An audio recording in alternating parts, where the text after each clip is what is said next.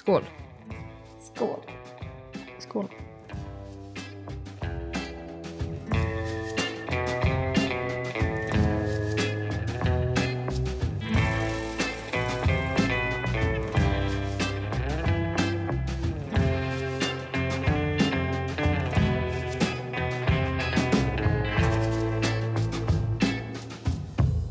Hur, hur mår ni?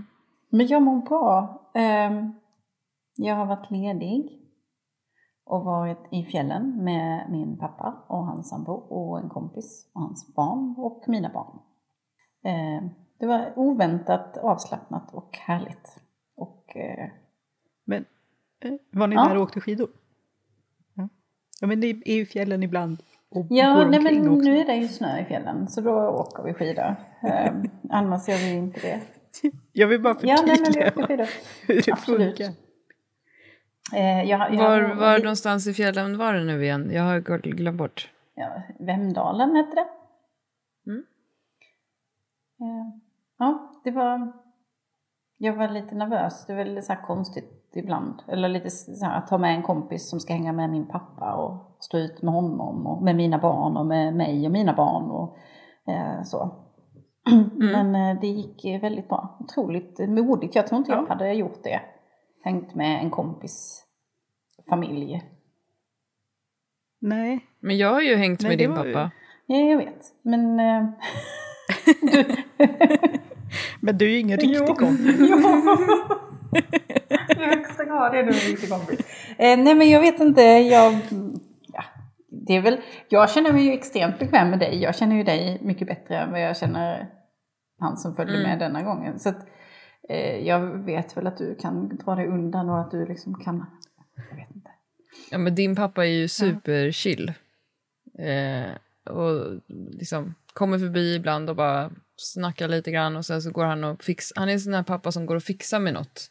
Det kan jag förstå är väldigt behagligt socialt. Mm. Alltså när man är ny i ett sammanhang. Att han inte, han förväntar sig ju inte så här, nu sätter vi oss här och dricker kaffe så får du berätta vem du är. Så är han ju inte. Nej. Eh, och, s- men det, jag är så imponerad av att eh, ha en pappa som åker skidor med en. När man är vuxen. Jaha. Wow.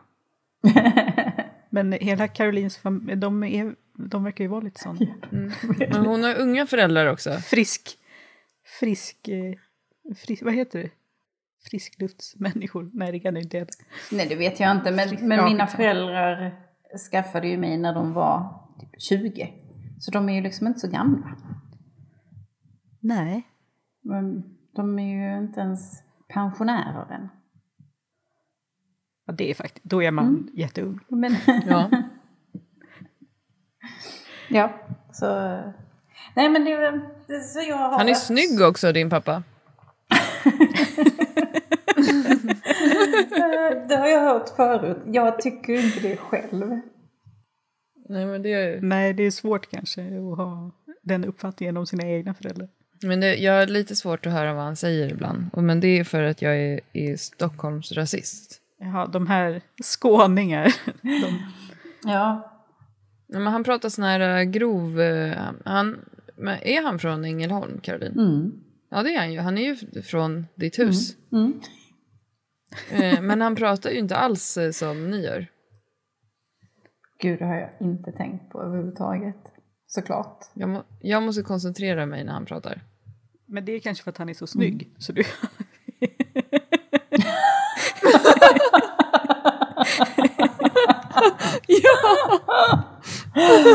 Åh gud.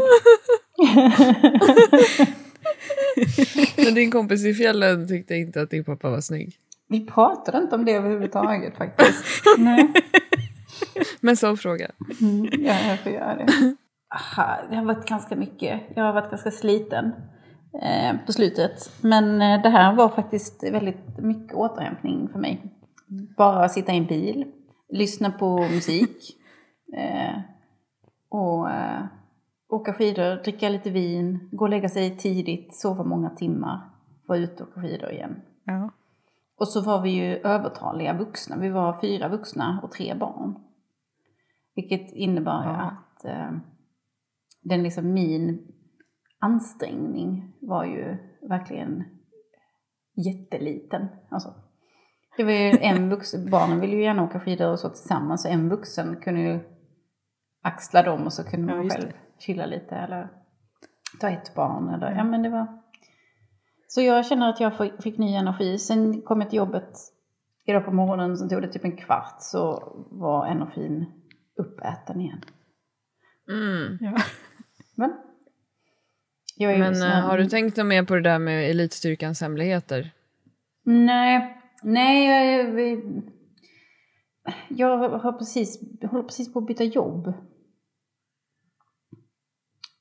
Eh, och eh, ja, det är lite jobbigt. Just nu så när man är, ska man försöka hålla det gamla jobbet vid liv samtidigt som man ska eh, engagera sig i det nya. Så det är lite så här, väldigt mycket samtidigt. I morse upptäckte jag att jag inte hade mötet via Teams utan att jag borde befinna mig i Lund. Och sen när jag var på väg till Lund så ringer de ifrån Ängelholm och undrar var jag är om jag inte skulle vara på plats där. För jag trodde att jag skulle vara där och vara på Teams. Alltså, så, ja men ja. Så det var väl tog liksom den där första timmen bara till att få lite ordning i kaoset. Men jag tror ändå att det är på väg åt rätt håll. Det blir bra. Det här. Ja. Jag har ju planterat om alla mina växter tror jag. ja. Bara, bara för att berätta hur, hur Mm. det är med mig. Mm. för, för det här har ju tagit jättelång tid. För av någon oförklarlig anledning så har jag ju skaffat jätte, jättemånga växter. Får jag fråga dig då, Men- av personliga skäl, byter, byter du Ja. kruka på alla då också? Eller får vissa bara ny jord i samma kruka? Nej, det var det som jag gjorde nu då. Att det var ju, eh, de flesta av mina är ju väldigt små. Så då, då har de ju vuxit ur sin kruka. Så då har de fått en större kruka. Men eh, de som har, eh, alla fick inte det. Utan vissa fick bara ny jord. Och några som är i stora krukor fick inte ens det. Utan de fick bara, fick bara lite jord ovanpå. men, eh, men det är ändå så som sagt att eftersom jag har så många så tar det, har det tagit jättelång tid. Och, så. och sen varje gång jag har tänkt så här att nu är jag klar så typ hittar jag 20 växter till.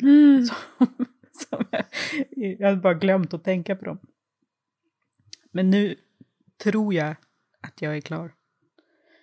Ehm, och så har jag flyttat runt dem lite så att de får... Om jag hämtar dig Jenny, om du, kan du göra samma insats hos mig? Ja, kanske. Men, eh, men det är ju roligt, de växer ju. Ja, Det är lite roligt med nya blad. Men, de, men finns det en risk att de kan bli ledsna när de får, får byta kruka och jord och sådär? Ja, eh, det kan de ju bli. Var, jag fick en stor fikus i höstas och då så hade de sagt i butiken där de, mina kompisar köpte den så hade de sagt att den eh, nog behövde planteras om. Så då planterade jag om den någon vecka efter jag fick den. För helst ska man vänta lite så att den, växten hinner vänja sig vid sin nya miljö.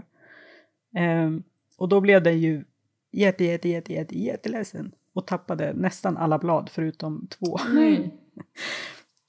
Men eh, nu har den ju fått nya blad. Men, eh, för då, så nu är det ju liksom ett sånt här träd som bara är en lång pinne och så är det blad högst upp. Liksom.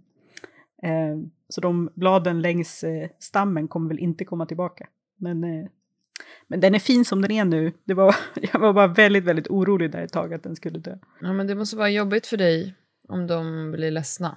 När du har lagt så mycket Ja, det är faktiskt jätte, jättejobbigt. på dem. Det men de flesta mår ju väldigt bra. Men det är en nu som mår dåligt som jag är lite orolig för. Så nu har den fått flytta till en... eh, Det är, jag har ju lite olika platser då beroende på hur nära fönstret de är och så här. Så jag har ju några som liksom är såna här strandtomter. Så nu, den här som jag är lite orolig för har fått flytta till en av de bättre platserna. Så hoppas jag att den blir lite gladare. High maintenance-platserna. Ja, precis.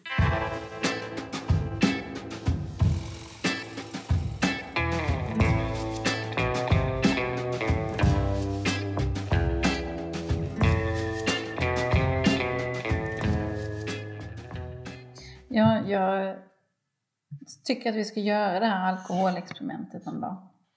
Just det, det var ju så hela den här podden initierades. Att vi skulle testa 0,5 promille. Eller är det en promille? Nej, Det minns jag 05. inte. Mm.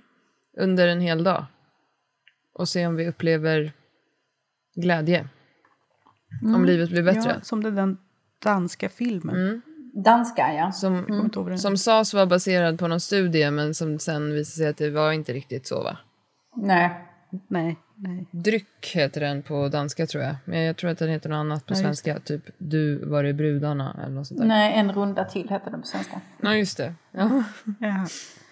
För, på tal om eh, Eh, vårt eh, ämne för dagen, populärkultur. ja!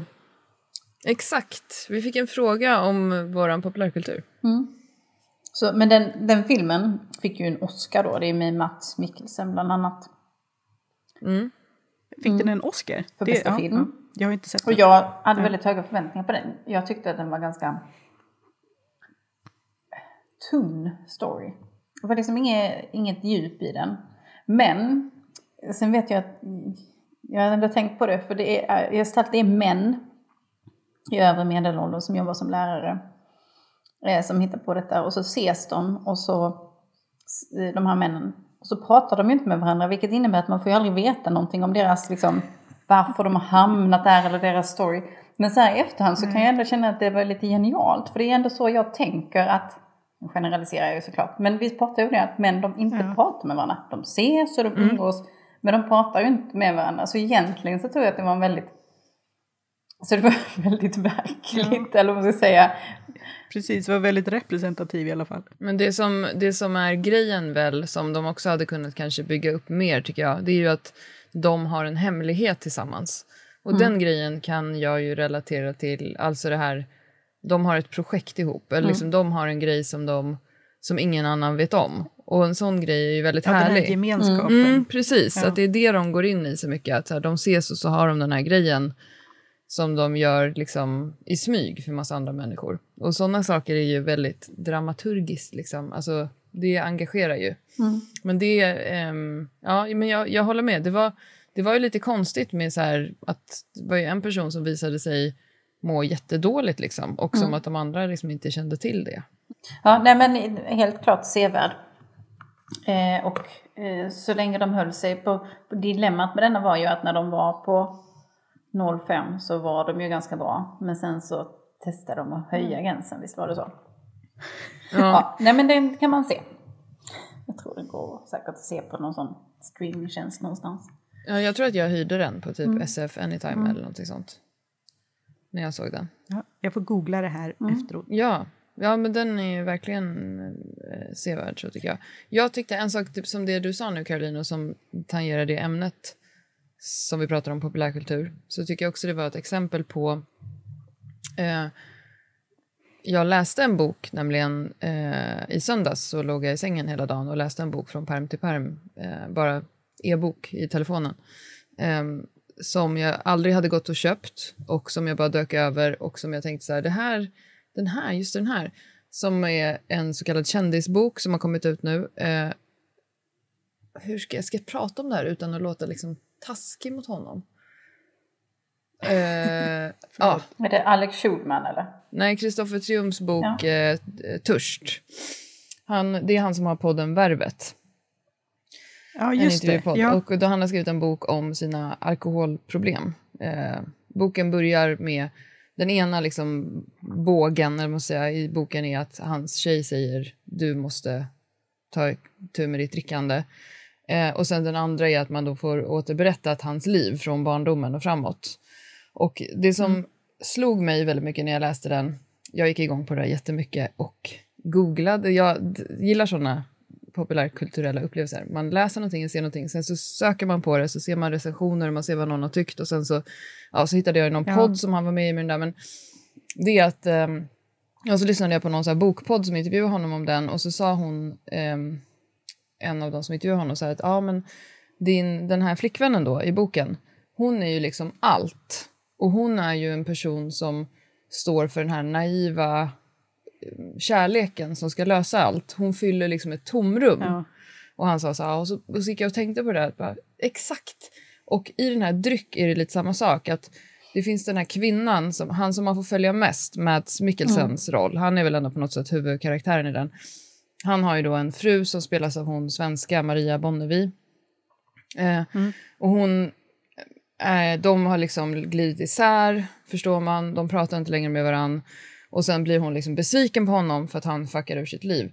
Och de här kvinnorna, i både den här boken som jag läste och den här filmen, de porträtteras så platt. Men så finns det det här traditionella att kvinnan är en uh, musa, eller kvinnan är allt. Ja, Kvinnan precis. är den här idén om kärlek. Kvinnan, man måste ha den här kvinnan. Och kvinnan i den, i den här Kristoffer Triums bok är en jätteplatt karaktär som det enda hon gör är att tjata på honom. Eh, vilket är inte så konstigt Ja. eftersom att det blir väl så att vara medberoende till någon också. Att hon sitter liksom och håller ögonen på hans glas under kvällarna och räknar dem och förmanar honom hela tiden. Och han liksom smusslar och sådär. Men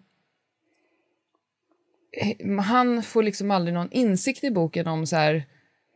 ehm, han tar aldrig någon ansvar för henne. Utan hela tiden så är den här idén om att hon, hon är hans stora kärlek. Och liksom, han, han, så fort han, han ser henne, hon är så vacker och folk vänder sig om på stan efter henne. Så här, ja, men liksom, du bidrar ju inte. Alltså, förstår ni vad jag menar? Hon blir en platt karaktär och bilden av kvinnan är att det är en person som ehm, bara ska fylla hans hål. Det gör mig provocerad. Och som liksom är en, eh, ja, men är en platt bild av, som han kan fylla med sina tankar om vem hon är. Mm. Och jag tänkte på det du beskrev nu, att, eh, ja, men att hon tjatar, att hon håller koll på hur många glas han har och så vidare. Det är ju hans bild. Det är ju han, så han uppfattar henne. Eh, hon kanske inte alls tjatar särskilt mycket. Hon kanske liksom säger det här, och alltså, hon kan ju absolut eh, tjata och räkna saker och så vidare, men att liksom hon kanske också gör väldigt mycket annat och att hon eh, finns jättemycket där som han inte ser. Och liksom att hon, eh, alla gånger hon inte säger till att han har gjort saker och så vidare. Mm. Och, men överhuvudtaget det här med att eh, hon är vacker och att hon tjatar, det är liksom Ah, det är så tröttsamt. hon verkar inte ha, ja men att hon, då, hon beskrivs ju inte som en människa med eh, eh, egna tankar och viljor och drömmar och hur hon ser på vad hon vill uppnå och vad hon och så här. Nej, nej. Utan det är väldigt mycket fokus på honom. Och den bilden finns ju ganska mycket om, ja, det finns ju ganska mycket Ja idealiserade bilder. ja, men så är det verkligen. Och när det gäller just eh, litteratur så sen ganska många år så läser jag väldigt lite böcker av män. Och det tror jag är lite för att jag är så här... Eh, jag tycker inte män är så intressanta. De är liksom... Jag är så mycket mer intresserad av... Jag tänkte på det när jag läste hans bok nu att hade den här boken varit skriven av en kvinna som hade fuckat ur så hade jag tyckt att det var mycket mer intressant. Men de här män, alltså, vet, han citerar Lundell och han läser Norén och han läser Fredrik Backman. Han läser män och sen så har han den här illusionen om den här kvinnan som då ska fylla hans hål. För han har ett hål som han inte, liksom, han försöker ta reda på varför han har det här hålet. Och män med hål, alltså så här, Knausgård, säkert jättebra, otroligt hyllad författare. Jag är noll procent intresserad för att män, in, män är banalare än kvinnor. Och, och just det här med... Alltså kvinnor som fuckar ur har alltid en mycket större anledning att göra det. Därför att vi har inte tid att göra det. Därför att vi måste göra allting annat när de här männen som måste åka ut och sitta i skärgården och skriva och citera Ulf Lundell och har ett hål inom sig. Vi måste lösa det som de skiter i då. Eh, så vi har liksom inte utrymme för det där. Och därför är det också mycket mer intressant med kvinnliga porträtt tycker jag. Men, men, men just det här med hur man porträtterar olika karaktärer. Nu är ju det här också, så det, här, det är en dagbok liksom, så den är skriven ur hans perspektiv. Eh, men den är ju fortfarande en autobiografi, tror jag han kallar det, och liksom att en del av det är fiktion. Och då tycker jag att han kanske kunde lagt lite energi Jaha. på att porträttera den här kvinnan Ja. eh, lite bättre. Eller liksom så. Alltså, så att, eh, om, man, om man ska prata om vilken typ av populärkultur vi gillar så, så, så böcker av män är väl inte någonting som jag så här... Jag är jätteintresserad av kvinnoöden. men men män har liksom inte fått kämpa tillräckligt mycket och därför så blir det så ointressant när de ska prata om sina hål. Ja, och sen så är väl det en historia som är ganska berättad ganska ofta. Ja. Och det gör ju inte att alla som upplever det nu inte behöver prata om det och berätta det. Och det är så. Men som sagt att den kanske ändå har blivit hörd ganska ofta. Mm. Ja, och med det jag menar, det känner jag mig så, känner mig så taskig som pratar så här om hans bok nu, men eh, han hade ju behov av att liksom, berätta den här historien. Och det, det jag ska säga är att den är ju extremt liksom, mm, självutlämnande. Alltså verkligen. Alltså det är ju hans innersta smuts, att han själv sitter där och är medveten om att nu tittar de på mig, dricker jag det för fort? Alltså det är ju enormt privat liksom. Men, men eh, som du säger, Jenny, det finns ganska många sådana historier liksom ändå. Så att egentligen när det gäller böcker så, så och, och jag tycker jättemycket om att, att, läsa böcker och jag läser böcker på papper helst. Eh, och jag måste köpa en ny bokhylla för att den börjar, det, jag har böcker på golvet i vardagsrummet. Så här, men det är kvinnor. Jag är intresserad av kvinnor. Kvinnor är intressanta. Kvinnor är fan härliga. vad, vad läser och tittar och lyssnar ni på? Jag har ju eh, haft någon slags livskris. Och när jag under den så har jag funderat på vad det är egentligen jag, är, jag lyssnar på eller läser. Alltså, ja. eh, vad, vad är min smak och min stil? Jag tycker att det har varit lite så här trots att jag är 43 så har jag liksom känt ibland att man, är det här, läser jag det här för att jag tänker att någon annan tycker att jag borde läsa det? Eller gillar jag det själv på riktigt? Och lyssnar jag på det här för att jag gillar det? Eller läser jag, lyssnar jag på det här för att det passar in i det sammanhang där jag vill tillhöra? Ja, det är jättesvårt. Ja, men det är det ju. Och jag har också eh, historiskt sett varit väldigt, eh, ja men, jag har ju hellre satt på en låt som jag tänker att de andra i rummet gillar än vad jag själv hade velat sätta på. Sätta på? Mm. Ja. Men, eh, och sen så när man har gjort det tillräckligt många gånger eh, så är det ganska svårt att veta vad som man själv gillar, vad som är någon, någon annan. Så jag har försökt att liksom återbörja, jag har lyssnat på skivor från min ungdom, CD-skivsskivorna, liksom, och börjat om med de som jag lyssnade på då och försökt alltså bara det här gillar jag inte alls längre och det här gillar jag, för då, var det, då körde jag väldigt mycket så här en skiva som jag lyssnade på hela tiden, varje dag, jämt. Eh, och då kan jag ju säga, nej men det här har jag växt ifrån. Det tycker jag inte är bra ja. längre. Det här gillar jag ju fortfarande. Och så håller jag på sådär nu och jag känner att jag fortfarande utforskar väldigt mycket och upptäcker saker som jag gillar. Liksom. eh, mm, men det är, jag tycker inte att det är lätt. Men det är också, har ju också haft tidigare en idé om att man ska liksom välja så här en genre som man gillar.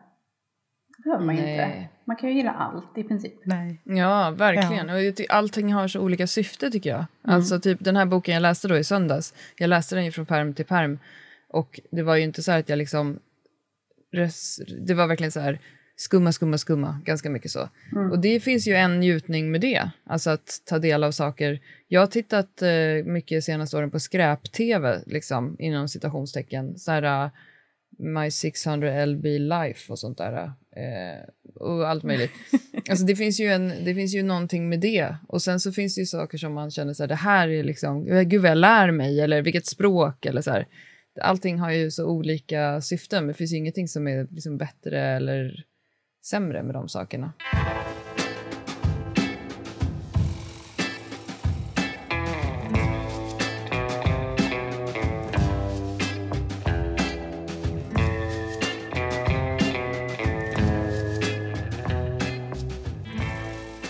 Du Jenny, du har ju haft, eh, du har ju drygt ner de senaste dagarna bara i någon slags krigsinferno. Ja, det beror ju på eh, att det är krig i Europa. Mm. Så då har jag lärt mig väldigt mycket om Ryssland och Rysslands historia och olika krig. Och tittat på typ alla program som jag hittar på SVT Play om det. Och lyssnat på typ allt jag hittar på P1. alla program. Så, men nu, och så nu senast har jag då tittat på lite dokumentärer om andra världskriget på SVT också. Um, och då tänkte jag att jag skulle kolla, för att väldigt många när de pratar om andra världskriget så framkommer det ju liksom att eh, allting börjar ju med första världskriget. Och sen så börjar ju det säkert med något annat. Eller att det liksom finns, det finns alltid mycket mer så här, liksom vad som har lett upp till det hela. Um, så nu har jag tittat på en eh, dokumentär på SVT Play om första världskriget. Men det som var, också var intressant där var att eh, på, om eh, de här, eh, jag tror det var historiska dokumentärer på SVT, så fanns det typ 100 och det var så här 35 om andra världskriget och en om första världskriget. så, så det var väldigt eh, övervikt mot eh, andra världskriget och nazismen. Men jag känner ju att jag på grund av kriget inte vill konsumera krig. Ja, man kan ju vara tvärtom. Eh, men, den, den, bland annat eh, så har jag läst den här, eh, det var faktiskt från din skrivkurs, eh, Klara, Agota Kristoff, eller hur man uttalar henne. Den första mm, skrivboken och de här. Eh, som också handlar om krig och det är brutalt och det är våldtäkt, pedofili och allt vad det nu är, tidelag och skit och mög. Ja, den är otrolig alltså. Eh, ja, eh, men det är tre delar av den. Eh, och jag mm. tyckte att de var helt fantastiska tills att det blev krig. För då kunde jag liksom inte längre distansera mig ifrån dem. Så nu har, var jag tvungen att sluta att läsa. För att det blev liksom något som inte var något förr i tiden. Inte var något som är passé. Utan det var liksom ändå något som kändes väldigt nära. Så jag väljer ju nu helt, nu skulle jag typ vilja läsa någon, eh, inte vet jag, om någon eh, romantisk eh, komedi om någon kvinna som öppnar ett café. Alltså typ, det, ja. det är ju, något sånt skulle jag jo, kunna men... konsumera nu. Men eh, jag tycker att det blir liksom svårt. Ja, jag tycker också att det är det, och det går ju lite i perioder även för mig nu. Men det är ju, samtidigt så försöker jag ju förstå så här, vad, kriget eh, kommer ifrån, varför de startade och så vidare. Och hur krig fungerar. Att, eh, ja, men att det Ryssland gör i det här kriget har de ju gjort förut. Och inte bara liksom under de senaste 20 åren. Utan det har sett ut så här i väldigt många krig under väldigt många år. Från, inte bara från Rysslands sida, men liksom, ja. Så att det är ju inte egentligen krigen som jag bry, eller liksom så. Och jag, ibland hoppar jag lite över det här, just de jobbiga detaljerna. Men det är mest att jag försöker förstå hur krig funkar och olika skeenden. Och det, hittills har jag mest kommit fram till att det är folk som startar krig verkar ju bara dumma i huvudet. Är det, är det kvinnor eller män? Ja, det är en väldigt, väldigt bra fråga. Nej, det jag skojade bara. Verkar, ja, men... Eh, och det är väldigt sällan de männen som tar de här besluten som är värst drabbade. Mm.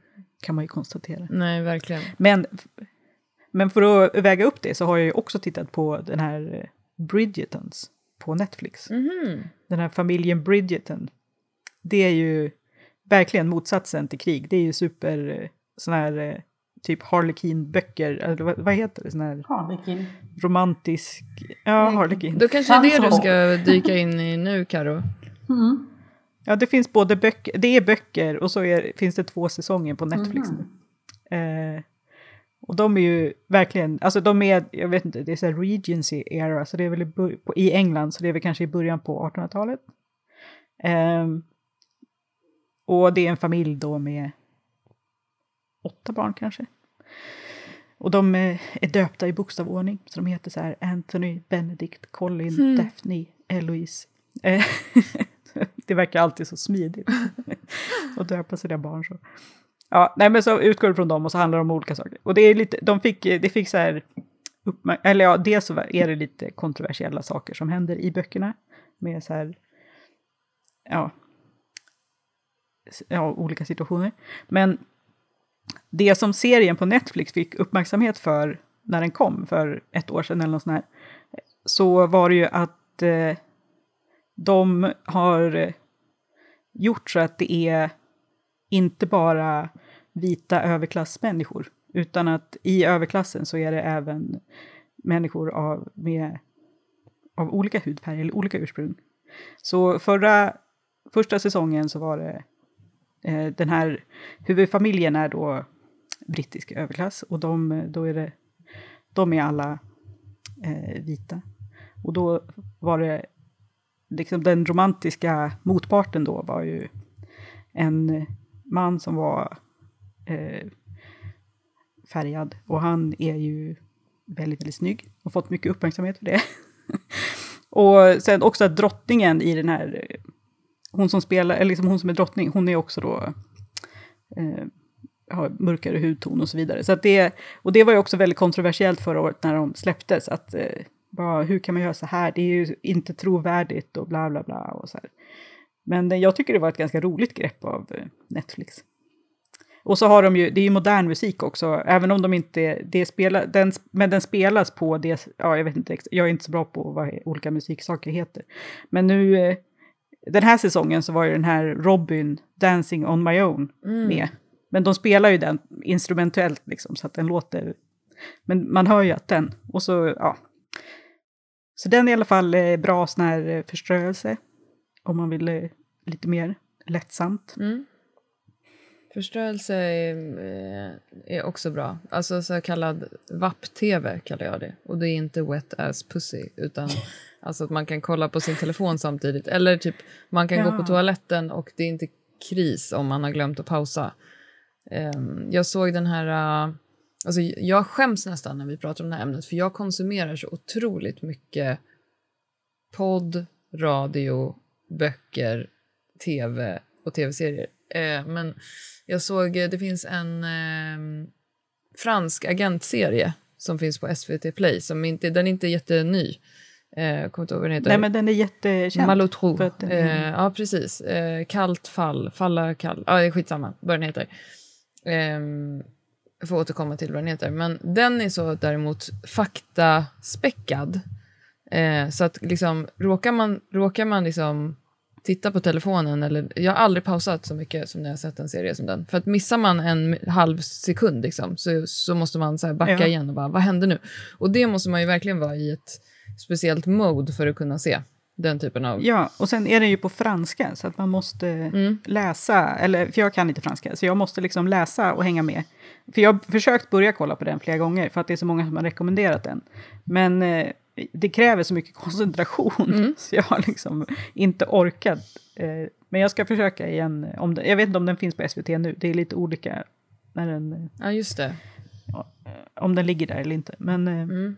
annars kanske den finns någon annanstans. Ja, det finns lite olika säsonger. Eh, och han som spelar huvudrollen heter Matthew Cassavetes eller något sånt där. Och han är ju känd från den, en fantastisk eh, ungdomsfilm som var anledningen till varför jag ville börja jobba med film från början, som heter La Haine, eller Medan vi faller. En Ja, fransk det. film som utspelar sig i en förort i Paris. Ehm, och sen har han även varit med i en annan jättebra film som heter, eh, eller om han regisserade den, eh, Profeten, om profet. Ehm, han är så här kulturperson i Frankrike. Eh, den tyckte jag var bra. Eh, Men eh, jag kollar också som sagt ganska mycket på, på skräp. Nu, men jag tycker det är lättare att definiera också vad man inte tycker om. Jag tycker till exempel inte alls om eh, det som är väldigt populärt, att läsa kriminalromaner. Nej, eller deckare. Ja, ja precis. Ja, och det har jag analyserat varför jag inte kan det. För jag vet senaste gången jag försökte göra det var senaste gången jag var utanför Sverige, det var 2017. Så låg jag vid en pool och läste den här äh, som filmatiserades av, Cam- äh, mm, av Leif GW Perssons dotter som handlar om skolskjutning. Och det är väl kanske inte en deckare, men typ ni vet så här, crime. Nej, vad heter den? Ja, precis. Guillaume. Eh, och då låg jag där och så känner jag så här nästan att jag får puls när jag läser den. Och jag kommer fram till att det är för att den typen av böcker, Störst av allt, ja, eller? de är, de är ju inte sällan, alltså det är inte sådana som man kanske läser för att det är så här, åh vilket fantastiskt språk, eller så här, utan det är ju att det är en så page turner, alltså att man ska få reda på Mm, precis. vem det var. Och jag blir så stressad av det, tror jag, så jag försöker läsa så här fort, eller liksom så här, Ja, eh, jag, jag blir stressad av sådana böcker, så det har jag kommit fram till att det är inte för mig. Eh, I alla fall. Nej, jag läser inte heller deckare. Men jag, vet inte, jag kommer inte ihåg varför, mer än att jag... inte gillar det. Det blir bara så här, vem det var kanske det? är som du skriver. Det kanske är som du säger på grund av stress. Jag gillar, jag, Gillar nej, men jag gillar deckare. Jag, gillar, jag läser gärna deckare under förutsättning att det inte är liksom sån här uh, hoppa fram och skrämmas. Alltså, jag vet inte hur jag ska beskriva det. Deckare där man försöker ta reda på, det blir mer som så här rättegångspodd. Man försöker så här, hitta ledtrådar och så, men inte Ja. där, där mord och sånt redan har skett. Förstår ni vad jag menar? Mm. Ja, ja. Inte så att någon går längs en gata och man bara sitter och väntar på att någon ska anfalla, utan Mm. eh, kriminalromaner blir det väl Jo då men kanske, precis, kanske. när det, när det blir sån här att man... eh, Ja, whodunit heter det väl på Mm. Engelska. Just det. Ja men att man försöker lägga pusslet liksom och ta reda på... Pusseldeckare Ja, finns det väl till och med ett uttryck det kan, för. Ja, men, för nu har jag läst de här Rosenfeldt Hjort, heter de. Handlar om en Sebastian Bergman-trilogi. Eller det är jättesex. jag gillar han Rosenfeldt i alla fall. Jag tycker att språket är bra och... ehm, Eh, men... Eh, eh, den här eh, huvudpersonen är så jävla otrevlig. Så jag var tvungen att, slu- så jag var tvungen att sluta läsa en bok som ett straff mot huvudpersonen. För nu, nu jävlar var hon så dum så jag fick, så nu tänker jag inte läsa mer. Men Men är det med flit av de som har skrivit? ja, det tror jag. De har nog gestaltat Ja. en skitstövel. Mm. Men det, då tycker jag att det är väldigt bra gjort ändå. Att de, de får dig att sluta läsa den. För att de För att jag blev så arg på honom. Så jag försökte straffa. Ja, men det har jag också gjort med böcker. Också ofta kanske när jag försöker läsa någon deckare. Men, men han, Hans Rosenfeldt, eh, han är ju, brukar ju vara med På minuten på P1. När de, det är när de pratar, då får de ju en fiktiv rubrik eller ämne som kan vara helt galet. Och så ska de prata och så har de regler som de, ja, om de upprepar samma ord så blir de avbrutna och så här. Men han brukar ju alltid vinna överlägset när han är med. Han är ju väldigt bra på att hitta på saker och prata ur tomma intet och sådär. Det var ett bra annat populärkulturellt tips då, på minuten. Ja, just det. Mm, det ja. kul. Det, det brukar jag tycka är jätteroligt. Eh, men jag brukar göra så att jag både med poddar och med serier, eller många serier finns ju att bingea, men eh, liksom när det är serier som kommer ut med ett avsnitt i taget, eller så, så bruk, och även med radioprogram eller med poddar och så, då brukar jag samla upp dem så kan jag lyssna på många efter varann. Mm. Jag har tydligen verkligen tagit till mig det här med att bingea material. Jag gillar också det. Ehm, Så jag har lite perioder när jag lyssnar på ja, alla de senaste avsnitten av Flashback Forever, eller alla de senaste 20 avsnitten av På minuten, eller vad det nu är. Så blir jag väldigt inne på det. Eller alla dokumentärer om andra världskriget på SVT. Men det är ju så jäkla härligt att bingea saker. Jag, jag blir också superhooked på det. Och det var konstigt nu, jag har inte tänkt på det, men att jag säger att jag inte läser kriminalromaner. Men en grej som jag lyssnar oftast på för att somna, det låter ju sunt. Det är ju, som Caroline sa förut, typ så här rättegångspodden och sånt där. Alltså crime, eh, true crime-dokumentärer.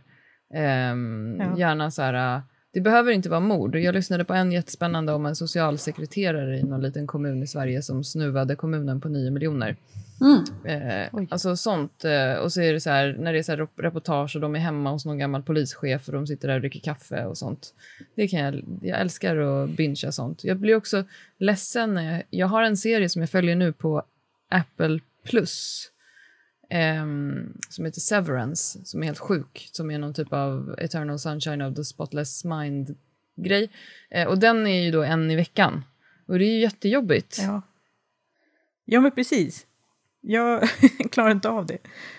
Så, då vill jag hellre vänta till allt är klart. Men jag klarar inte att vänta heller. Så jag går istället runt och är lite bitter.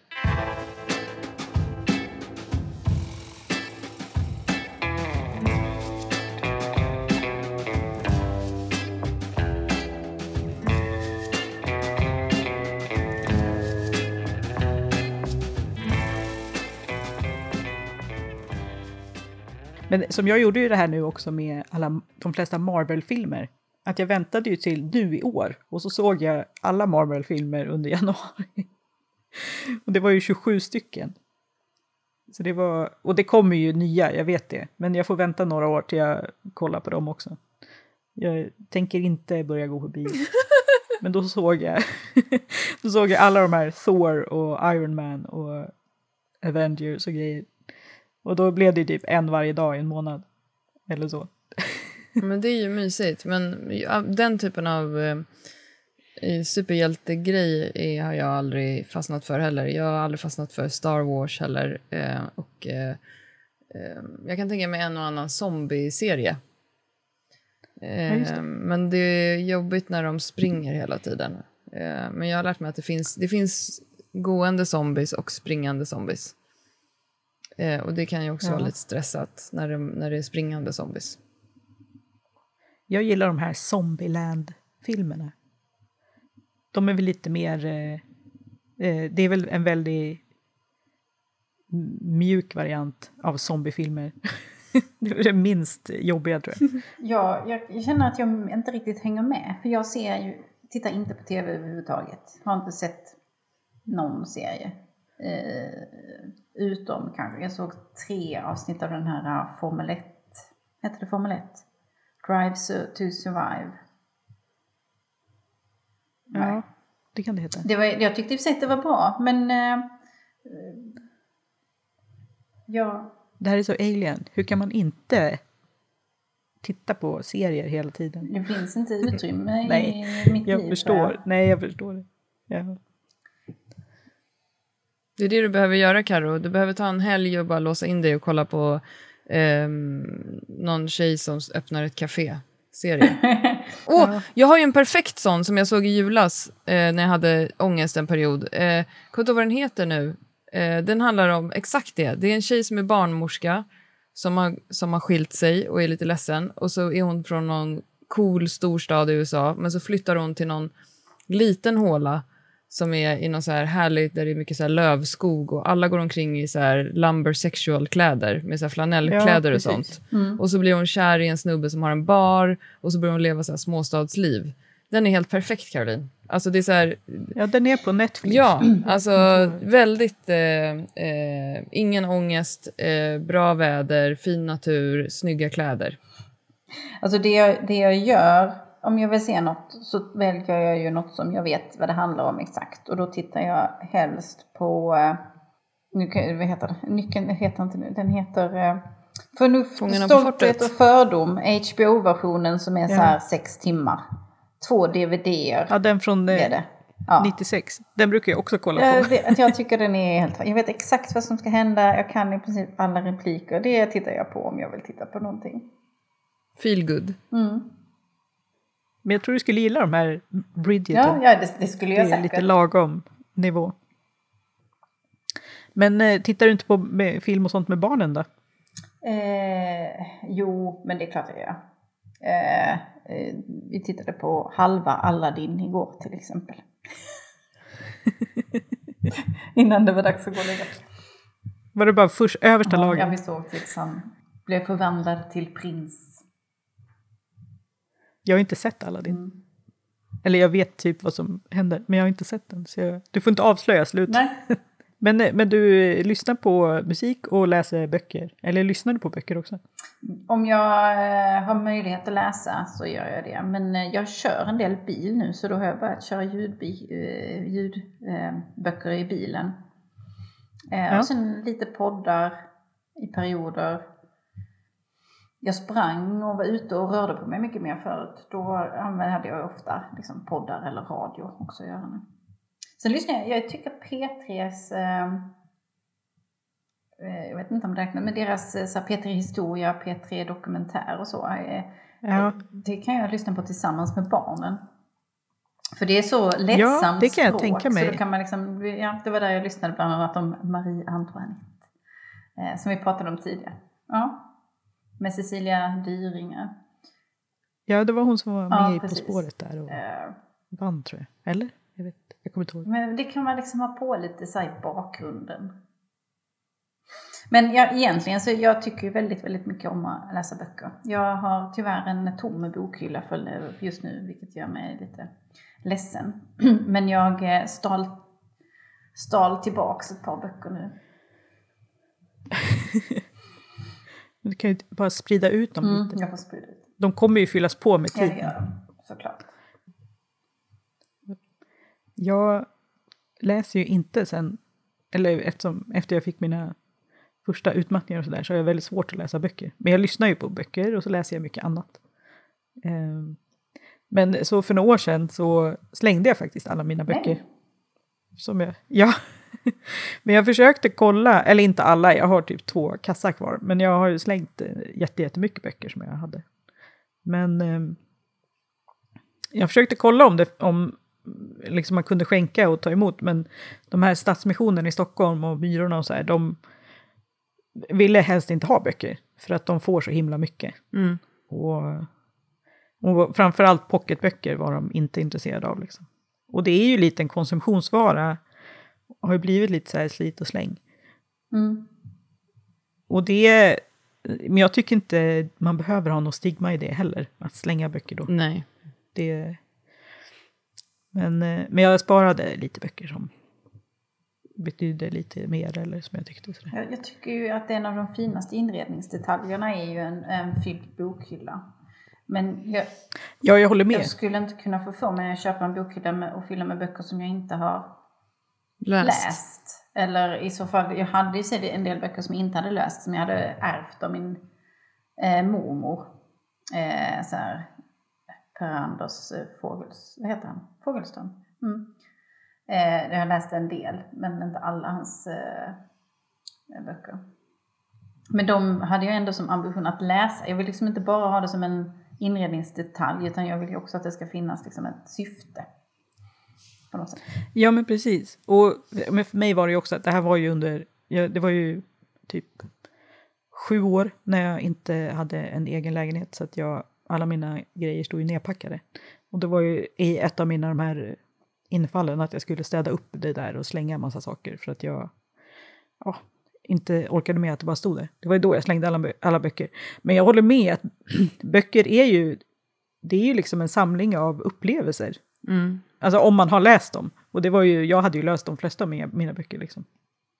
Och då är det ju lite som en, ja som sagt en samling av upplevelser eller så här. Och, och det är ju minnen som kommer, som är kopplade till böckerna. Och när man faktiskt ser böckerna då får man ju också ett annat, alltså att man ser dem då blir man ju påmind om att man har läst dem. Och kommer ihåg det på ett annat sätt än när man inte, och det tänkte jag ju på när jag gick igenom de där böckerna och slängde dem också. Att, Ehm, ja, att det var ju vissa böcker som verkligen betydde mer liksom.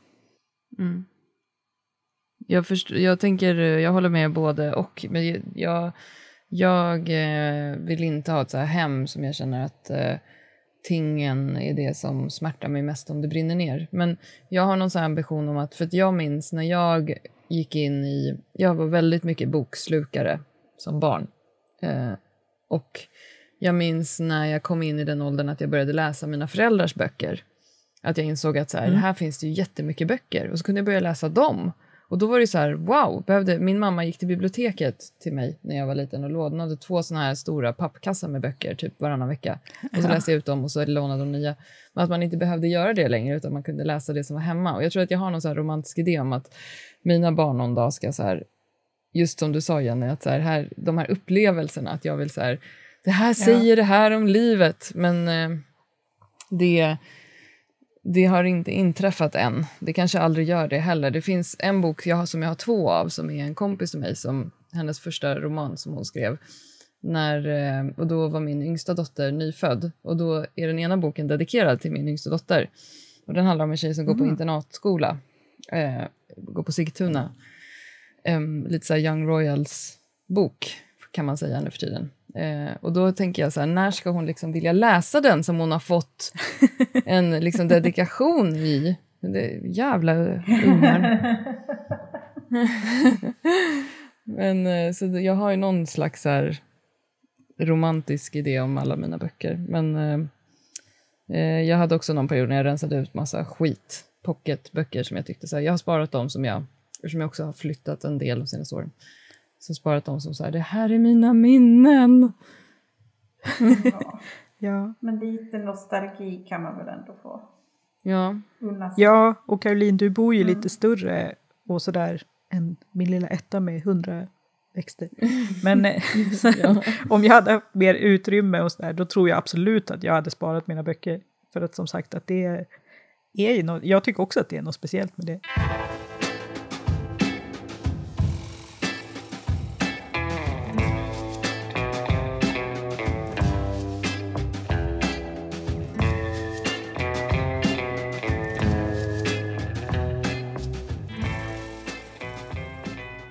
Men nu lyssnar jag, apropå krig, så lyssnar jag just nu på den här, den här ryska författaren som har fått Nobelpris.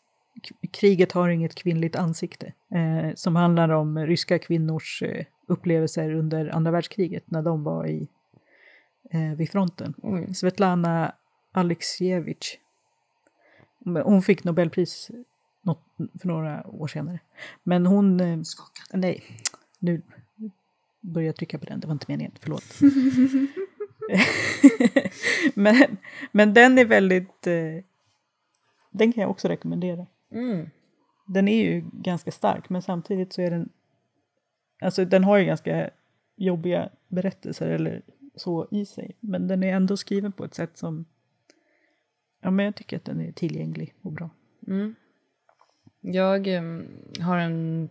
Jag har ju gått sen augusti förra året en skrivkurs som jag går. Och då eh, läser vi också böcker. Och då får vi så här till varje träff vi ska ha, läs den här boken. Så att det, och det har varit väldigt kul senaste då, ja, vad det nu är, dryga halvåret. Att jag har läst massa böcker som jag aldrig skulle eh, ha tänkt på att de ens fanns innan. Eh, ofta får jag hitta dem på bokbörsen och sånt för att de inte går att få tag på i eh, vanliga bokaffärer och sådär. Och det är verkligen...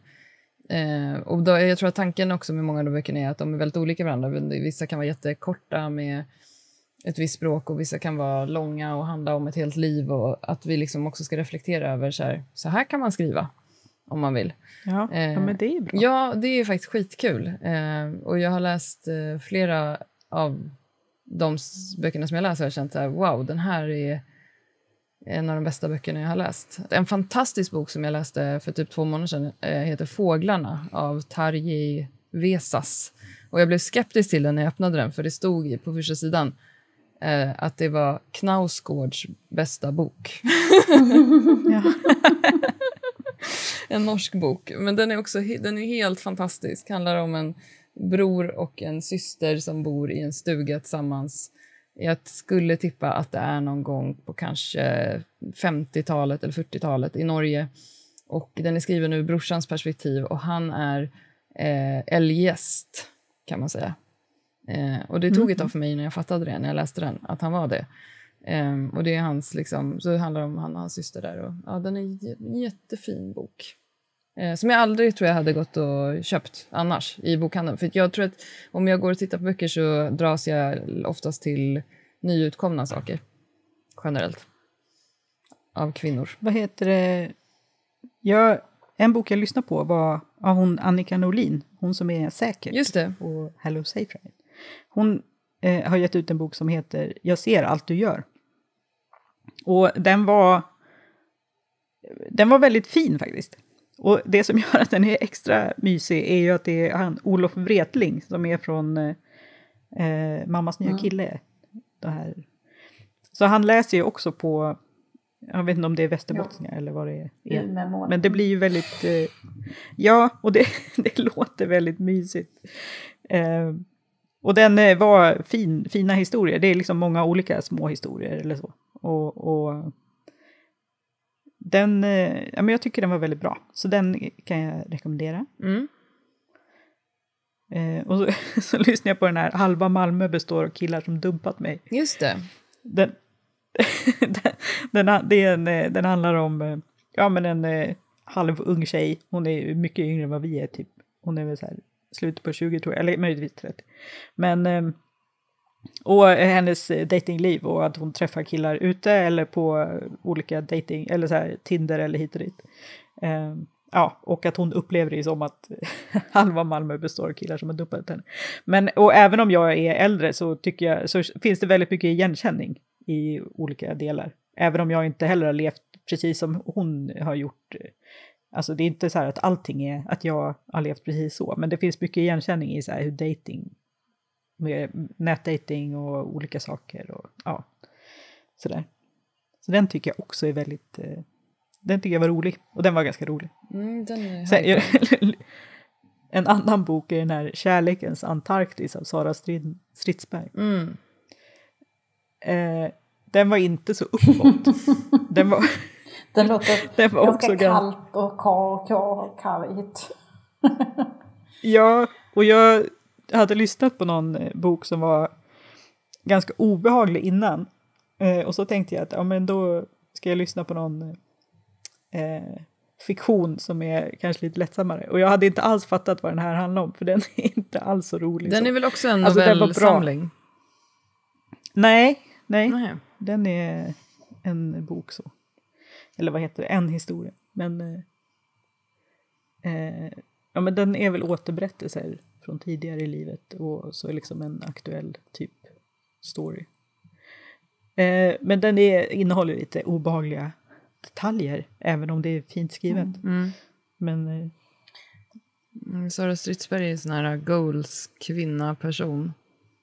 Både frisyr, frisyrmässigt och eh, språkligt. Jag har ju börjat så här, konsumera ungdomslitteratur, kanske man ska kalla det. Ja, sån här young adult Ja, det kanske det kallas. kanske. Men Det är en jättestor genre på, inom litteratur som är young adult i alla fall. jag, jag upplever ju inte det som ungdomslitteratur, men de huvudpersonerna är ju oftast unga. Eh, tonåringar. Har du något tips? Eh, nej men... ehm, små eldar överallt. Ja, du gillar ju inte den alls. Eh, Var det jag? mm, du tyckte det var jättedålig översättning. Jag tyckte inte alls att det var dålig översättning. Men, vilken, men vänta nu, små eldar överallt. Vilken Celeste? NG. Ja, hon som var ute och grävde bland snäckor och grejer. Eh, Eller? Ja, det gjorde hon kanske en liten bit. Men det handlade ju, handlade ju om en, en tjej som satte eld på sitt hus. Jaha. Men det här känner inte jag ens igen. Alltså, jag minns att vi har pratat om någon bok som handlar om någon tjej som bor i USA och pappan är... Brorsan drar, mamman drar, pappan slår henne och dricker typ och sen så börjar hon Jaha, forska ja det är på snäckor och grejer. Det är kräftorna. Ja, den, Eh, den tyckte jag inte var något bra. Eller jag tyckte Nej. inte den, jag tyckte att språket var så dåligt i den. Gud vad jag låter snobbig. Det tyckte Jag du, det sa du om den 11. här små eldar överallt också. Jaha, Eh, den kommer jag inte ens ihåg. nej, det är ju... Eh, du tyckte den var dåligt översatt till svenska tror jag. Eh, men jag tyckte inte det. Jag tyckte den var jättebra. Ehm, Den har varit nummer ett på New York Times Fiction Bestseller. Det är inte hon som eh, var mormon? Nej, det är någon annan. nej, det är ju, det är ju educated. Den gillade jag också. Jag känner mig som att jag har varit taskig mot Kristoffer Triumf nu. Han är säkert en jättefin person. Fjärilsvägen Ja. vill jag också tipsa om. Ja, den har, jag tänkte på den också faktiskt. Den lyssnar jag på. Av han Patrik Mm. Lundgren. Ehm, som är på, ja nu är han på DN tror jag. Mm. Men sen när jag lyssnar på lite, jag försöker ju lyssna på så här lite faktaböcker också. Det är inte alltid så kul. Nej, inte så kul att lyssna på, kanske. Nej, eller de beror ju på hur bra skrivna de är. Men eh, det är ju inte alltid så. De flesta har ju inte, eller det beror ju verkligen på vad man lyssnar på. Jag lyssnar ju på lite så här om samhället. Så jag lyssnar på den här klubben som handlar om ja, han den kulturprofil. var Den, jag läst. den tyckte jag var bra. Ja, den var jättebra, men den är ju lite jobbig. Och vad som utspelas i den eller så här, vad de pratar om. Mm. Ehm, och så lyssnade jag på den här Diamin, Diamant Salio. Eh, Tills alla dör. Den vill som jag handlar läsa. om eh, gängkriminalitet i norra förorterna i Stockholm. Och den eh, var också väldigt bra på många sätt. Men eh, som sagt att själva ämnena är inte så upplyftande. Liksom. Nej.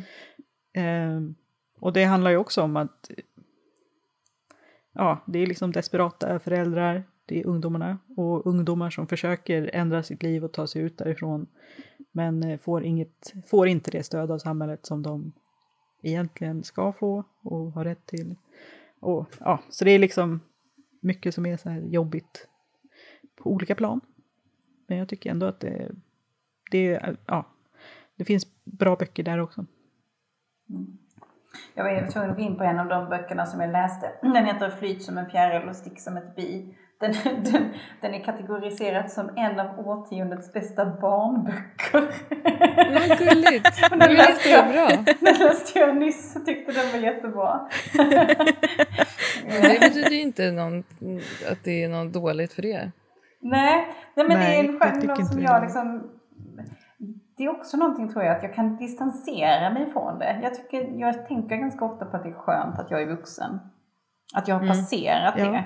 Men att jag ändå kan känna eh, samhörighet eller förstå dem. Jag tycker det är ändå så pass nära en. Ja, och, och livet var ju, eller på sätt och vis var ju allting lite mer allvar, eller liksom allting var ju Mm. nytt. Så all, varje situation var ju mer dramatisk. liksom, Livsavgörande. när man var, ja, när man var barn eller tonåring. Mm. Eh, och då, att, då blir det ju att läsa böcker om de människorna, så där all, då blir det mer rimligt att allting är livsavgörande. Ja men verkligen, det är ju det.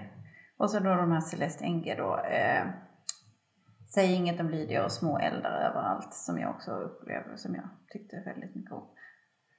Där, även, där man även kan förstå föräldrarna tror jag på ett annat sätt när man läser det som vuxen. För de finns ju också med Ja. i böckerna liksom. Hur man kan på något vis förstå deras reaktioner och, och sådär. Ja, men,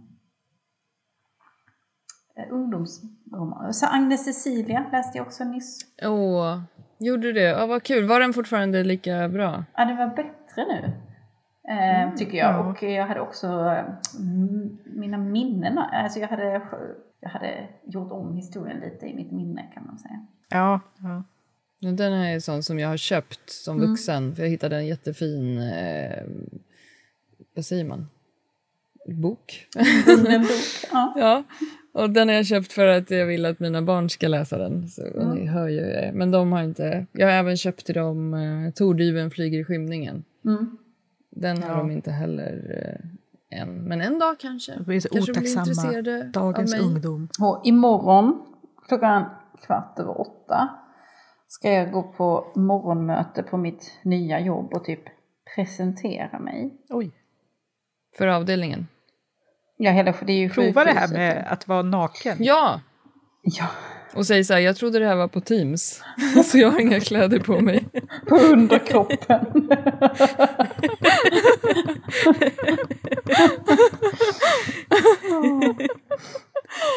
Ja. Nej, men jag vet inte, jag har inte förberett någonting. Det får bli så här, de får, Men behöver du question and förbereda? answers, de får ställa frågor till mig. Nej, jag vet inte om jag måste förbereda något. Det hade varit bra om jag visste vilken lokal vi skulle vara, kom jag på. Det kanske är på Teams. Ja. Nej, jag tror faktiskt inte det. Det kommer gå bra. Alla Ja. gillar alltid dig. Ja, jag tror att det kommer gå bra. Du är en person som man gillar. Det kan du säga. ja. Jag är en person som man normalt sett gillar. Jag brukar ju också alltid sälja in. Caroline som att eh, hon har väldigt snygga tuttar. Och det kan du ju visa då, om du kör den här Naked Attraction. Jag vet inte om jag har så snygga tuttar längre. Jo, det har du visst. jo, det har du visst! Nu har jag sagt det till alla. Ja, tänk på hur det här kommer reflektera på Klara, om du inte kan leverera Mm. nu. Bo bobisarna. Ja, ja, Jag tror ja. att jag sa det på, i talet på ditt bröllop faktiskt till och med. Ja, ja. Att jag hade snygga bröst. Mm. Ja, gud. Det har ändå inte stått några folk i kö på att känna på dem och sådär. Det måste vi ordna. Ja. Ja, Nej, men nu eh, går vi och lägger oss innan det urartar Ja. mer. Det urartar. Bra. Vi, vi hörs Ja, igen men snart. tack då. för idag. Ja, tack för idag. Kram på er. Kram, hej då. Eh, vad ska jag nu trycka där?